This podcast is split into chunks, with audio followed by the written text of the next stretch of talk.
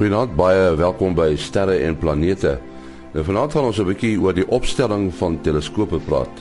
Maar voor dit, ruimte nuus wat geskryf is deur Herman Turin.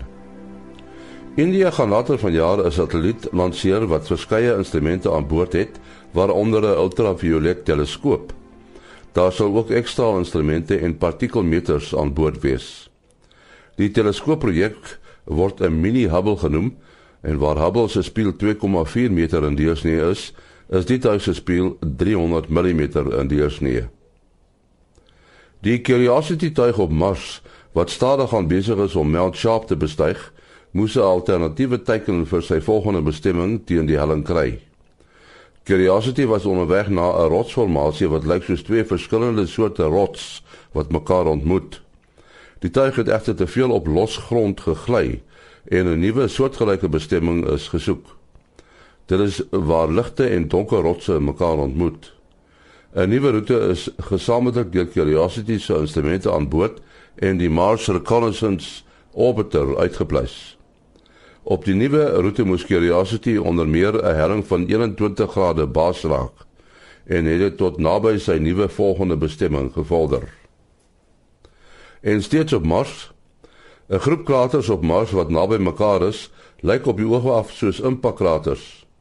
Alhoewel meer wetenskaplikes meen egter nou dat van die kraters in die groep in die area bekend as die Terra Arabia eintlik vulkane is, maar spesifiek supervulkane. Op aarde is die Yellowstone Park 'n voorbeeld van 'n supervulkaan. Supervulkane stort duisende keer meer vulkaniese materiaal tydens hulle uitbarsting minstens 1000 kubieke meter vulkaniese materiaal. Dit is genoeg om beduidende klimaatsveranderinge aan te bring en daarom is die nuwe insigte oor supervulkane op Mars belangrik en moet verder bestudeer word. Tot sover ruimte nuus wat geskryf is deur Herman Turin in Bloemfontein.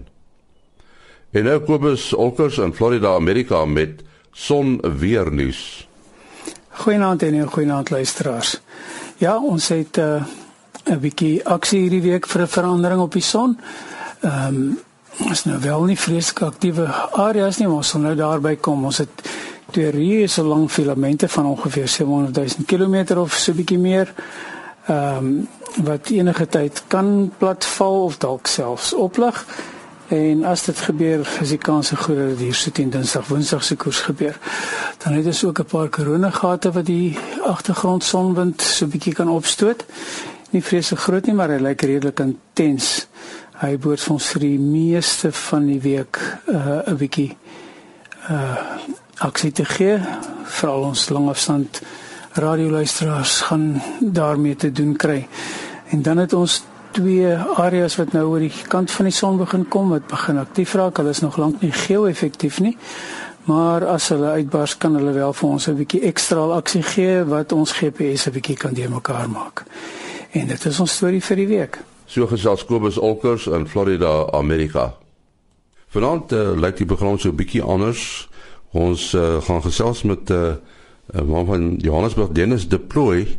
Nou Dennis Deploy is 'n uh, man wat weet hoe om teleskope in te stel. Ons het dikwels uh, die vraag by mense as ons nou die sterre aanhou is hoe uh, stel mense teleskoop in as 'n mens nou so 'n teleskoop gekoop het want dit dit lyk uh, vreeslik ingewikkeld. Nou Dennis ek dink uh, om die deur in die huis te val, ons moet nou eers praat oor uh, die die die soorte teleskope wat 'n mens kry vir amateur sterrekunde. Ehm uh, daar's waarskynlik twee hoofgroepe en dit is die reflektors en die refraktors. Verduidelik net vir ons wat s'ie verskil. En die die uh, refraktors is die tipiese teleskoop wat jy nou van kindsbeen af sal onthou in die prentjies hier selfs van net na die middeleeue die lang teleskope met die lense. So sê nou maar as 'n 1 meter teleskoop dan sal daai teleskoop min of meer 'n meter lank wees. En dis so 'n paar jaar gelede, omtrent daarom 3 400 jaar gelede dat Newton in die ontwerp van Newton die reflektor op die mark gebring het. En baie van ons teleskope is nou reflektors wat baie meer kompak is as die refraktors. So jy sal byvoorbeeld 'n 1 meter buis kry dan is hy miskien 700 mm lank van weer die geboue lens. En dit is soos 'n spieëllens wat jy op kameras kan gebruik. Jy kan ook hom inderdaad so lens op 'n kamera gebruik. Die refraktors het baie goeie kleur en die Newtonians het nie die apokromatiese afwyking nie. Nou apokromaties beteken dat daar kleurverskywing vanweë die lense is. Almal sal onthou van skooldae af hoe 'n lens op die kant verskillend buig. So weerkaatsende spieëls kan vir ons baie lang brandpunt afstande gee. So meeste van jou groot teleskope by observatoriums is weerkaatsende spieëls wat dan op 'n kleiner spieël weerkaats na oogstukke of opname instrumente. En ehm um, daar's kombinasies van hulle Maxutov, uh, Cassegrain, al hierdie tipe name gaan jy op teleskope voorsien. Dit is nie handelsname nie. Dit is ontwerpe wat deur eeue bestaan.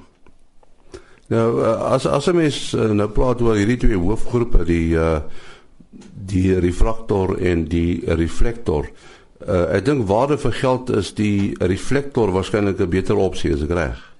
Jy weet uh, en nie vroeër het hulle mos die reflektor 'n toiletrol met 'n spieël genoem. Dis hoe goedkoop hy is.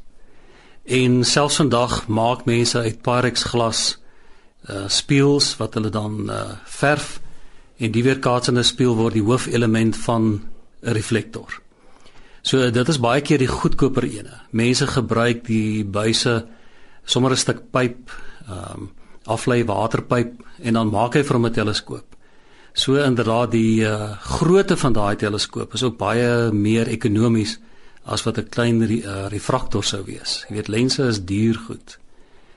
Uh, in die mark vandag gaan jy 8 duim, ons praat nog in duime, so 250 mm deursnit lense kry vir onder 10000 rand. As mens nou dink 10000 rand is baie, so 30 jaar terug sou dit 10000 rand gewees het. So teleskope het eintlik baie baie goedkoper geword in die afgelope 30, 40 jaar. En en Dennis, hoe werk mense nou uit uh, wat die vergrotingsfaktor van 'n teleskoop is? Ons weet wat is brandpunt afstand. So sê nou maar ons het 'n 1 meter brandpunt afstand, dan is dit waar jy 'n stukkie papier aan die brand sal steek as die son aan die een kant inskyn. Uh, wat my sommer gou laat dink dat mens nooit na die son moet kyk deur 'n teleskoop nie. So 1000 mm het eintlik geen versterking as hy nie 'n oogstuk aan die ander kant het vir jou oog om die beeld te kan sien nie. Beeldvorm uh op 'n spesifieke afstand van die brandpunt afstand. So kom ons sê ons het 'n 1000 mm uh, brandpunt afstand op die teleskoop en 'n 10 mm oogstuk. Dan deel jy die 10 in die 1000 mm in wat dan vir jou 100 keer versterking sal gee. Mense sê maar dis mos nou niks nie. En ek vertel altyd graag die storie dat as jy jou meisie ontmoet het, het jy haar nie ontmoet met 'n vergrootglas nie. Jy wou eintlik sien hoe lyk sy. Jy wou meer lig hê. So die deursnit van 'n teleskoop is eintlik vir ons baie baie belangrik. So mense kyk na die syfer voor op 'n lens en as ek daaroor kan ietsie sê nie, dan kyk hulle na die f-syfer. En hoe groter daai f-syfer is, die groot F, sê nou maar is gelyk aan 'n 10.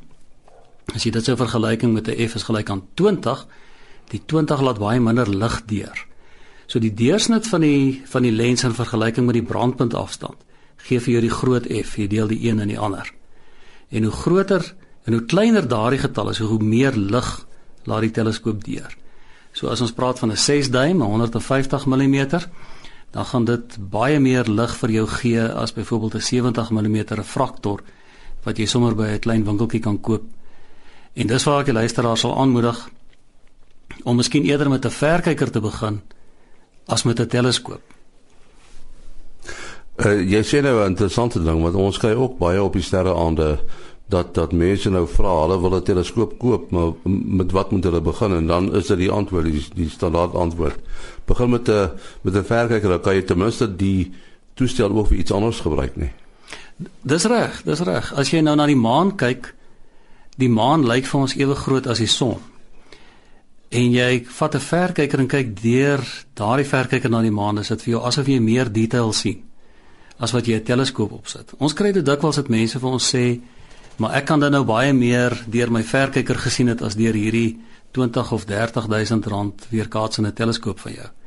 En dit is omdat die wyeer hoek van die verkyker, 'n baie goeie verkyker vandag gee vir jou om en by 6 grade hoek wat ehm um, baie hoër is as net 15, 20 jaar gelede. En met so 'n hoek soos wat ek en jy gesien het uh, eergisterand, kan jy die hele suiderkruis sien. Met sy stert en die verwysende sterretjies wat ons mos maar altyd gebruik om te mm. bepaal waar sy is.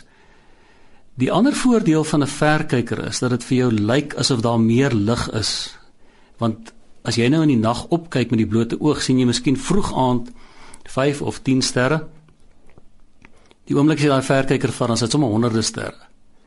En jy kan die nevel sien, jy kan in die kulsak, die tipiese donker gedeelte om die suiderkruis, kan jy gou-gou sien maar hier is 'n nevel wat baie helderder deur die verkyker lyk as die, as wat jy maklik met 'n goedkoop teleskoop gaan kry. Mm. Nou die die ander groot vraag is uh as iemand nou 'n teleskoop gekoop het, sê nou dit is 'n 'n spieelteleskoop, 'n reflektor. Uh, hy het hom nou gekoop, uh, hy haal hom nou uit sy verpakking en nou moet hy hom instel. En dit is waar baie ons vasval. Ek dink baie teleskope en nie kom die volgende dag terug winkel toe van iemand wat so gesukkel het. 'n Dobsonian, jy praat nou van 'n spieelteleskoop, gaan vir jou tipiese versterking gee van so tussen 40 en 80 keer met 'n gewone standaard oogstuk van sê 20-25 mm.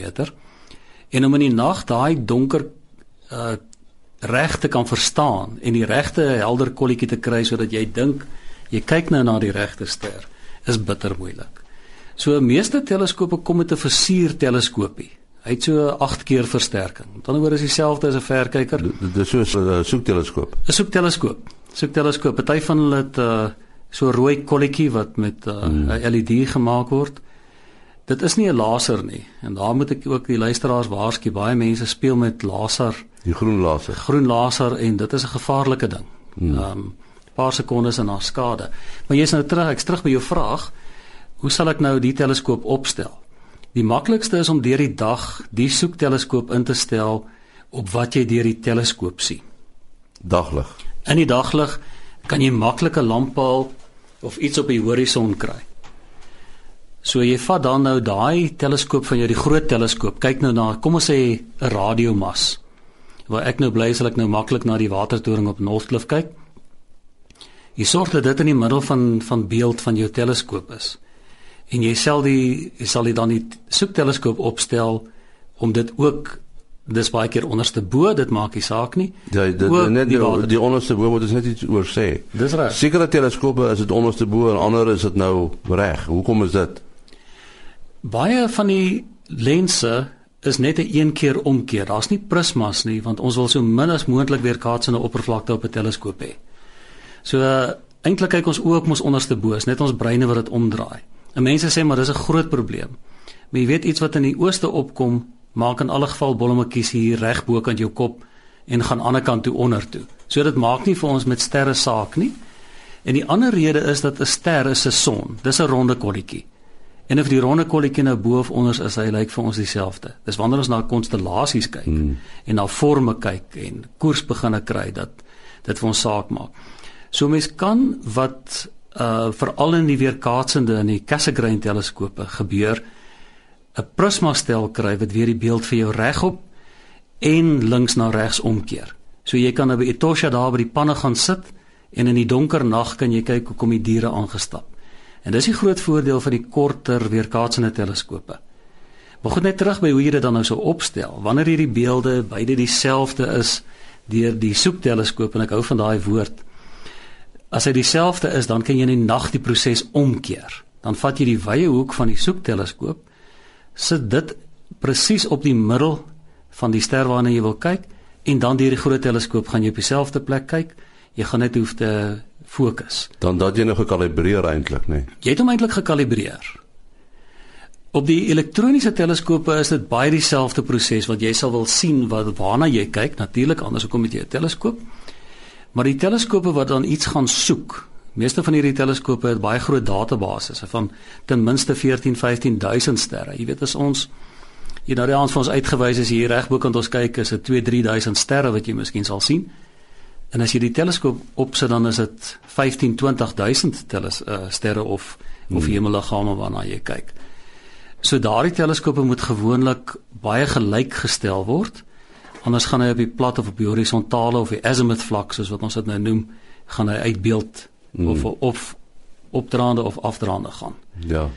So die elektroniese teleskope het nog steeds jou hand nodig. Uh as jy nou by die 100 000 gaan, dan kan hy self mee toeskeef staan, hè. Of baie teleskope wat jy nou 3 sterre kan opstel.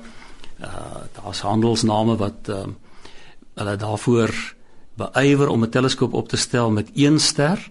Maar ons het gevind in ons ondervinding dat wanneer jy 3 sterre gebruik, jy hoef enige 3 sterre te gebruik, dan kan die database daardie sterre hanteer van wat die aand in die spesifieke tyd bokant jou is om dan te bepaal waarna jy kyk. So dan word kalibrasie maklik, maar nog steeds moet jy die helder sterretjie in die middel stel. So jou soekteleskoop vir my is primêr. Anders is jy môre baie gefrustreerd en jy wil niks meer weet van sterre nie. Ja, daar's nog so baie waaroor ons kan praat, maar ek dink ons moet afsluit net met hierdie hierdie vraag is uh watter grootte teleskoop dink jy moet mense uh, koop om mee te begin? En natuurlik hoe diep jou sak is gaan natuurlik dit bepaal, maar as dit nou nie 'n probleem is nie. As jy jou skoonmaak wil saamvat, dan dink ek mens moet nie kleiner gaan as so 4 duim nie of 125 mm. Ek verkies 'n 160 of 150 mm. Tipies die ou 6 duim waar mens na gekyk het. Maar eie teleskoop is 'n 8 duim want ek kan daarmee die hele land vol reis. Hy pas in 'n kleiner tas. Jy kan dit dikwels op 'n gewone kamera driepoot sit of op 'n tafel selfs opstel. As jy nou op jou bosveld plaas gereeld kom en jy wil graag verdere astrofotografie doen, dan gaan jy miskien kyk na 'n 12 of selfs 'n 14 duim. Maar ja, die gemiddeld sou ek sê op die goedkoop weerkaatsende teleskope, die sogenaamde Dobsonians, of Newtonian ontwerp, is 'n 8 duim ideaal. En tipiese prysklas daar sou onder 10000 rand wees. 20000 gaan vir jou elektroniese GPS beheerde uh teleskoop wees wat jy selfs van jou iPad of van jou selfoon af kan beheer. Ja, en dan moet jy weer 'n iPad hê. Ek dink almal van ons het nou ten minste 'n smartphone. Goed, uh Dennis, wat is jou telefoonnommer as mense met jou kontak wil maak? Ek sal dit baie graag vir julle gee. Dis 083 258 9000. 083 258 9000. Sê weer. 083 258 9000. Ons sê baie dankie aan Dennis Deploy wat uh, vanaand kom gesels het oor teleskope en ek dink uh, u stem saam ons gaan hom weer kry om te gesels oor teleskope dat dit nie so ingewikkeld is om 'n uh, teleskoop in te stel as wat 'n mens dink nie. Tot uh, volgende week. Alles van die beste.